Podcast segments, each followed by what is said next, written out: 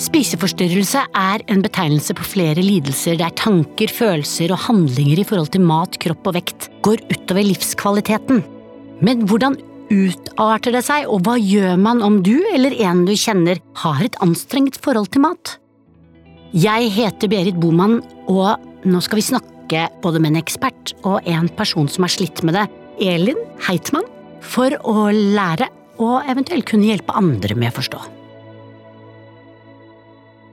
Når startet spiseforstyrrelsene for deg?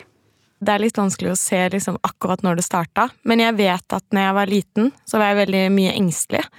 Jeg var veldig redd for framtiden. Eh, jeg tror egentlig det lå veldig mye angst til grunn. Ja. Så det starta på mange måter med at jeg var veldig urolig og redd. Allerede som elleveåring så husker jeg at jeg spurte mamma om jeg kunne få lov til å gå til psykolog, og mamma skjønte ikke hvorfor.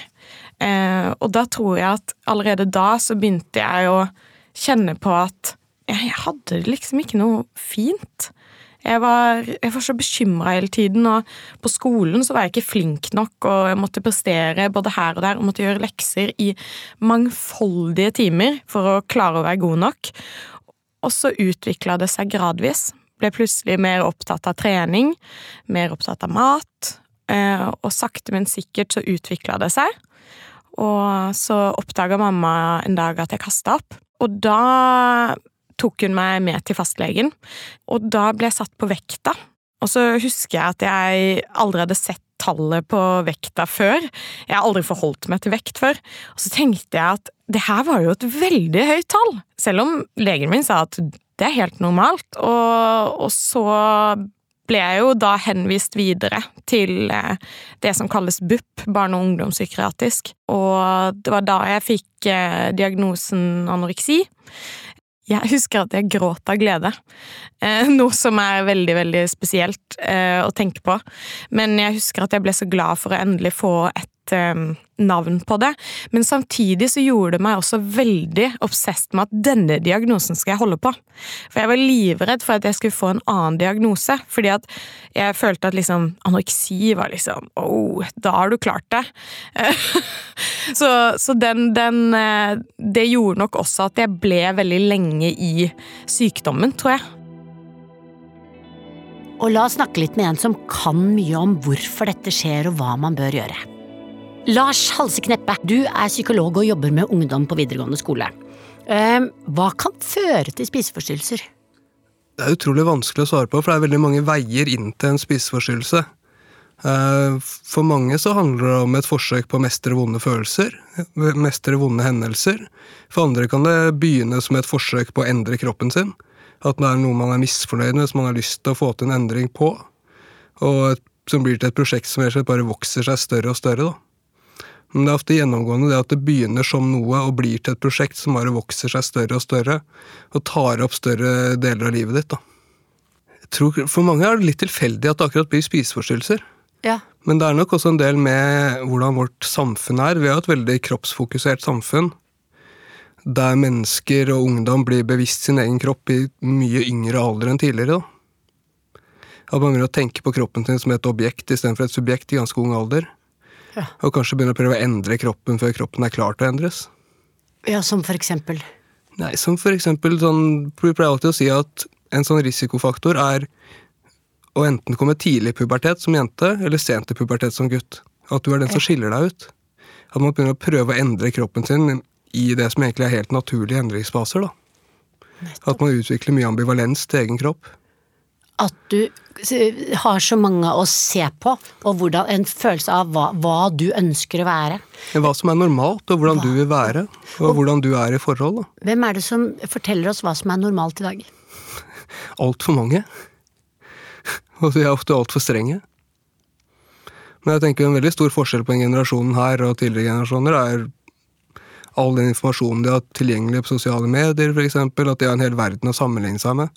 At de har så mye tilgang til andre menneskers liv, utseende, men også tips, og alt virker så tilgjengelig. Ja. Alt virker så oppnåelig, da. Så hvis jeg sliter med sånne ting, hva kan jeg si når jeg går til lærere eller venner eller mamma og pappa eller mm. tenker jo sånn her, Det veldig enkle svaret på det ville vært å være ærlig og si det du strever med, men det er ofte vanskelig, det er ofte skummelt. Og ofte kan det være lurt å si det til flere personer, sånn at du får øvd deg litt på det. Eh, og noen syns også det er greit å skrive ned. Fint. Og for noen så er det jo også skummelt det å skulle skrive det ned eller si det høyt. Så det kan være lurt å liksom tenke litt over hva man er komfortabel med å si, og hva som er det viktigste at man skal si. Og det viktigste man skal si, er at akkurat nå så strever jeg med mat, og jeg strever med kroppen min, og jeg trenger hjelp til å få det bedre med det. Og så er det ikke nødvendigvis alltid sånn at man trenger å gi alle detaljer. Og det er litt viktig at, å si at For det er det som stopper veldig mange. At de liksom tenker at hvis jeg først åpner opp der, så må jeg si absolutt alt med en gang. Sånn er det ikke. Å fortelle historien sin tar tid. Så det handler bare egentlig om å begynne et sted, og begynne med den tingen som er vanskelig, og la det gå videre derfra. Hvordan, hva gjør jeg hvis jeg lurer på om uh, min venn eller mitt barn har noe sånt nå? Spør. Ok, hva spør jeg? Det er veldig vanskelig å spørre. For det, ja, er, det. For det, igjen, det er et tema som er sårt å gå inn på, men det er også et tema som ofte er en hemmelighet. Så jeg tenker ofte det handler om at uh, være åpen på hva man har sett. Være åpen på hvorfor du spør. Hvorfor er du bekymra? Hva er det du har sett som gjør at du lurer på de tingene her? Hvordan var du da du var syk? Det var nesten som at uh, hele livet mitt bare var et stort regnestykke som måtte gå opp.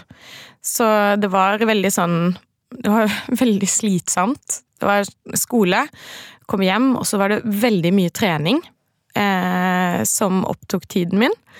Eh, og hvis jeg spiste noe som var feil eller ikke riktig, så gikk alt i tusen knas, og da kunne jeg bli illsint. Eh, og det husker jeg at mamma og pappa også måtte stå veldig mye i, så de var jo veldig på mange måter litt sånn fanga også i, i mitt, da. Fordi at jeg ble så sint av for eksempel hvis vi skulle ha noe som var feil til middag, så var det jo fullstendig krise. Eller hvis jeg ikke fikk trent, så var det krise. Hva var det som var feil til middag, for eksempel? Nei, det var ting som ikke var Jeg tenkte at det ikke var bra, da. Eh, som ikke var bra for kroppen min, eller at jeg, da ville jeg legge på meg, så da fikk jeg panikk, rett og slett. Så, men så ble det jo eh, Etter hvert så utvikla jeg jo mer sånn at jeg begynte å kaste opp, overtrene, og at det ble en sånn herre eh, blandingslidelse med flere ulike typer spiseforstyrrelser i én boks, da. Hva, når jeg bruker ordet spiseforstyrrelse, hva, hva, ligger det i det? Hva er de forskjellige? Um... Det er et utrolig vidt spekter. Alt fra de som strever med å ta til seg veldig lite næring, sånn som anoreksi.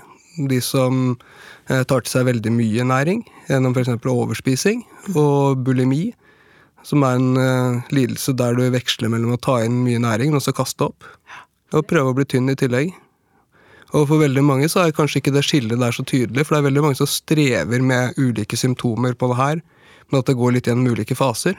At man har en fase da man f.eks. spiser veldig lite, så har man en periode da man kanskje overspiser og kaster opp. Men at det, liksom, det som sitter igjen, er liksom det der ambivalente, litt ødelagte forholdet til egen kropp. da.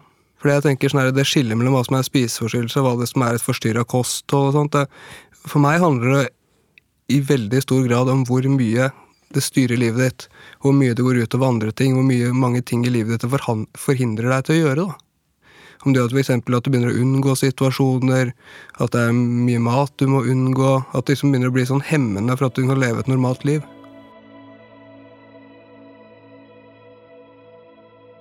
Mamma og pappa ble, prøvde jo så godt de kunne å liksom holde fatningen, de også.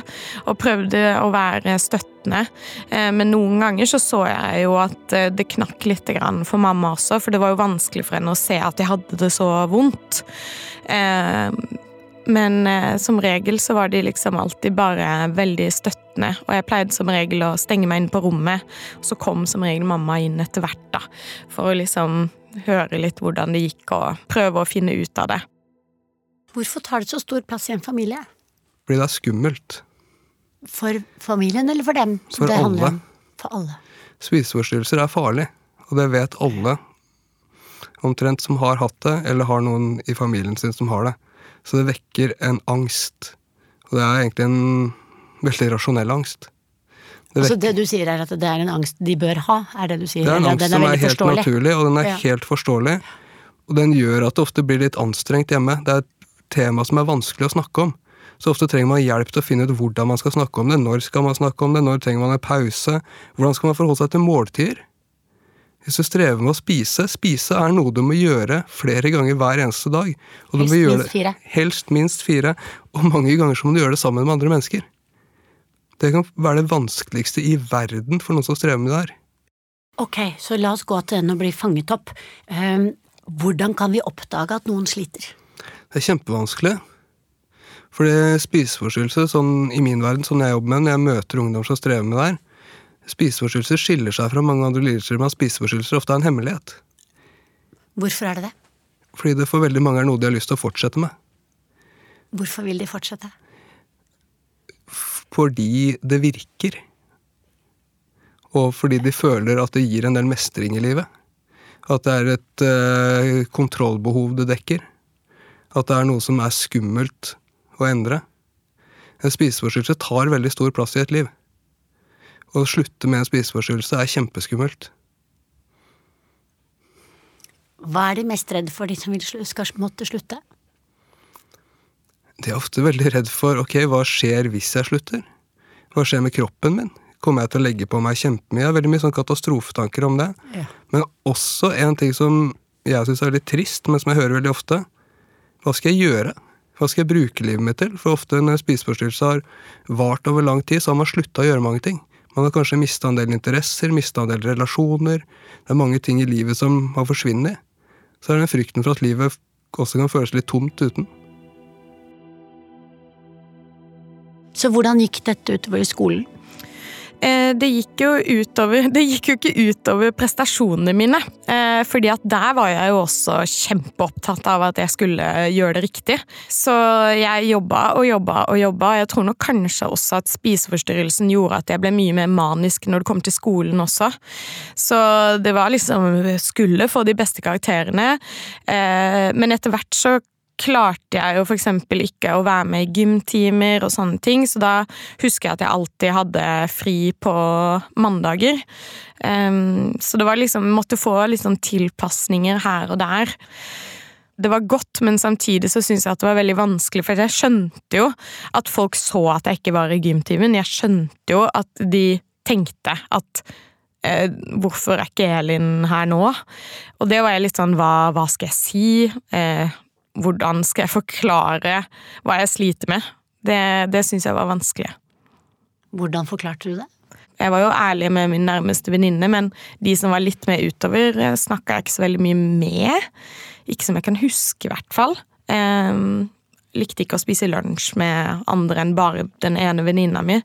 Så vi satt liksom alltid for oss selv. Og det gjorde nok kanskje at hun også ble litt mindre sosial på grunn av meg. Og hun har nok eh, spesielt fått kjenne på at jeg sleit, da. Fordi jeg kunne være vanskelig å ha med å gjøre.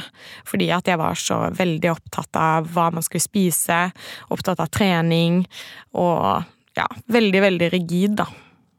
Hvordan har du det nå? Hvor frisk er du, eller går det jeg an å bli er helt uh, frisk. Eh, men det er mange som sier til meg ja, men du kan jo ikke være helt frisk.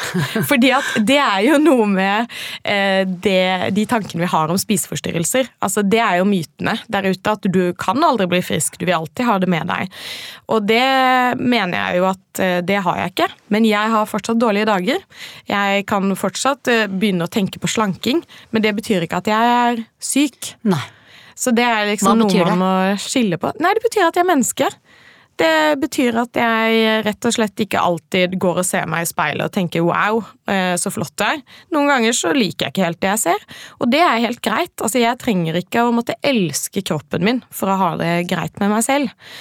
Og det er jo også noe med veien mot å bli frisk, og liksom skjønne at alt vil ikke alltid være bra, og for å være frisk så, så trenger ikke alt å være perfekt, da. Du sa var, du brukte lang tid. Hvor lang tid brukte du på å bli frisk? Eh, veldig lang tid. Jeg var vel syk eh, i ti år. Så når jeg var 24, så merka jeg at nå er tankene borte. Eh, og, og, det skjønte jeg jo liksom når jeg snakka med venninnene mine, og sånt, som sa liksom bare sånn Å nei, jeg får noen perioder hvor jeg liksom blir obsesst med liksom Å, nå skal jeg begynne å trene. Og, og så tenkte jeg bare sånn Ja, det gjør jeg òg. Og så la jeg merke til at det er kanskje meg som sykeliggjør de tankene. At egentlig så er det helt vanlig. Og da begynte jeg å forstå at kanskje er jeg helt frisk. Og begynte også etter hvert å være helt komfortabel med å gå ut og spise. For det var en av de tingene jeg syntes var helt forferdelig vanskelig. Ja. Men plutselig så var det helt greit for meg å spise pizza, og det var greit for meg å ta en øl også. Og, og bare den følelsen av at, at jeg er fri, da. Eh, det, da, da, da, er man frisk, da, tenker jeg, når du har frihet til å kunne velge. Frihet til å kunne gå i matvarebutikken og Jeg kan velge det jeg vil ha. Og samtidig være opptatt av at eh, ja, jeg skal få i meg grønnsaker og ta vare på meg selv, men, men man er fri. Hvordan forebygger jeg selv å, å få disse problemene? Mye av det handler faktisk om hvordan du har det generelt i livet. At du faktisk har et liv der du opplever at din verdi som menneske, din selvfølelse, det handler ikke bare om utseendet ditt. At du eh, opplever at andre mennesker er glad i deg uansett, altså ubetinga kjærlighet. At selvfølelsen din har flere bein å stå på. Ja. At du har flere ting i livet ditt som gir deg glede og verdi. Og at du har trygge relasjoner til andre mennesker. Hvis livet ditt er fylt opp av positive ting, og du føler deg trygg på deg selv, så har du, har du et veldig godt utgangspunkt. Men selv for mennesker som har et godt liv, og som har gode relasjoner, som har støttende foreldre, så kan det være perioder der du er sårbar for det. Kan du si litt om hva slags behandling man får hvis man oppsøker hjelp? Det kommer veldig an på hvilken eh, type lidelse du har, og hvor alvorlig det er. Eh, det kan være alt fra at du For mange med alvorlig anoreksi kan det være at du faktisk trenger hjelp med å ta inn næring. Eh, for andre kan det, som det ikke er så alvorlig, så kan det handle om ordinær samtaleterapi. Det kan handle om hva du skal gjøre med alle de der tankene og de vonde følelsene som du faktisk nå trenger å regulere bort. Andre ganger så er det også eh, behov for familieveiledning. At familien blir involvert, siden det her tar så stor plass i en familie. Og at det er viktig at foreldre også får en type veiledning i hvordan de kan støtte deg. da. Så hvis du nå, da, som eh, voksen Elin, skulle mm. sagt noe til deg selv, hvilket råd ville du gitt da underveis? Jeg tror kanskje det jeg ville sagt, var at du trenger ikke eh, gjøre kroppen syk for at du skal bli tatt på alvor. Mm. Det tror jeg er noe av det viktigste, for det, det opplevde jeg veldig ofte at jeg ble mye mer tatt på alvor hvis kroppen min var syk. Og så fort jeg gikk opp i vekt, så slapp liksom folk taket på meg. Men det var jo da, når vekten gikk oppover, at jeg hadde det som verst, og at jeg egentlig ikke hadde noe lyst til å leve lenger. Eh, så ille ble det, rett og slett, at livsgleden var null. Så å si null, nesten i minus. og i dag så sitter du faktisk og jobber med dette. Mm. For du jobber i noe som heter ROS. Hva er mm. det for noe? Det er et lavterskeltilbud til alle som eh, sliter med en spiseforstyrrelse, eller kjenner at de har vansker med mat, kropp og vekt, så man trenger ikke å måtte ha en spiseforstyrrelse. Nettopp. Og så hjelper vi også pårørende. Mm. Du, eh, Kjønnsbalansen, hvor vet man noe om det? Hvor mange mm. jenter og hvor mange gutter er det som sliter med spiseforstyrrelser? Ja, altså Det er en stor andel eh, av de som tar kontakt med oss, er kvinner. Eh, Ca. 94 kvinner, og så er det 6 eh, menn. Så det er et stort overtall. Eh, men der tror jeg det er mørketall når det kommer til menn, da. De blir ikke fanga opp på samme måte som det kvinner gjør. Vi blir liksom mer bekymra for en kvinne enn det vi gjør for en mann. Så hva, eh, Hvordan kommer man i kontakt med dere hvis eh, folk tenker at ah, jeg har lyst til å faktisk bare snakke om det og kanskje mm. få satt litt ord på ting? Ja, vi har jo e-post, og vi har chat, og man kan ringe til oss. Og man kan også komme til samtaler, og da er det bare å ta kontakt med et av våre kontor, så kan du få bestille en samtale. Hva er det som går igjen mest når folk tar kontakt med dere? Jeg tror kanskje det vanligste er kanskje de som lurer på om de er syke nok. Eh, at de kjenner at jeg, jeg, har det vanskelig og merker at mat, kropp og vekt tar kjempestor plass, men kroppen min er jo ikke syk, for jeg er jo normalvektig. Og legen min sier at alt er jo fint, siden kroppen min ikke er syk, eh, men allikevel så kjenner jeg at dette her tar jo all plass. Hva er, har jeg har jeg lov til å få hjelp? Og da er mitt store svar ja, ja, ja. Selvsagt skal du få hjelp hvis du kjenner at eh, mat, kropp og vekt tar så stor plass i livet. Helt til slutt, hva gjør man? Hvis man kjenner at man har det vanskelig? Ja. Jeg eh, tenker jo at aller først så tror jeg at eh, det viktigste er at man snakker med noen man, man stoler på. Ja. Eh, og hvis du kjenner deg klar for det, så kan du jo få en samtale hos oss i ROS. Eh, og så er jo videre fastlege, få en henvisning videre, og så kommer du inn i behandling. Og det er jo veien å gå, og jeg vil anbefale å ta tak i det før enn siden. Helt til slutt, husk at det fins folk å snakke med, også lenge før du eventuelt skulle bli syk for der blir du tatt på alvor med det du tenker på. Ring gjerne Mental Helses hjelpetelefon 116 123 116 123. Produsert av både og for en del av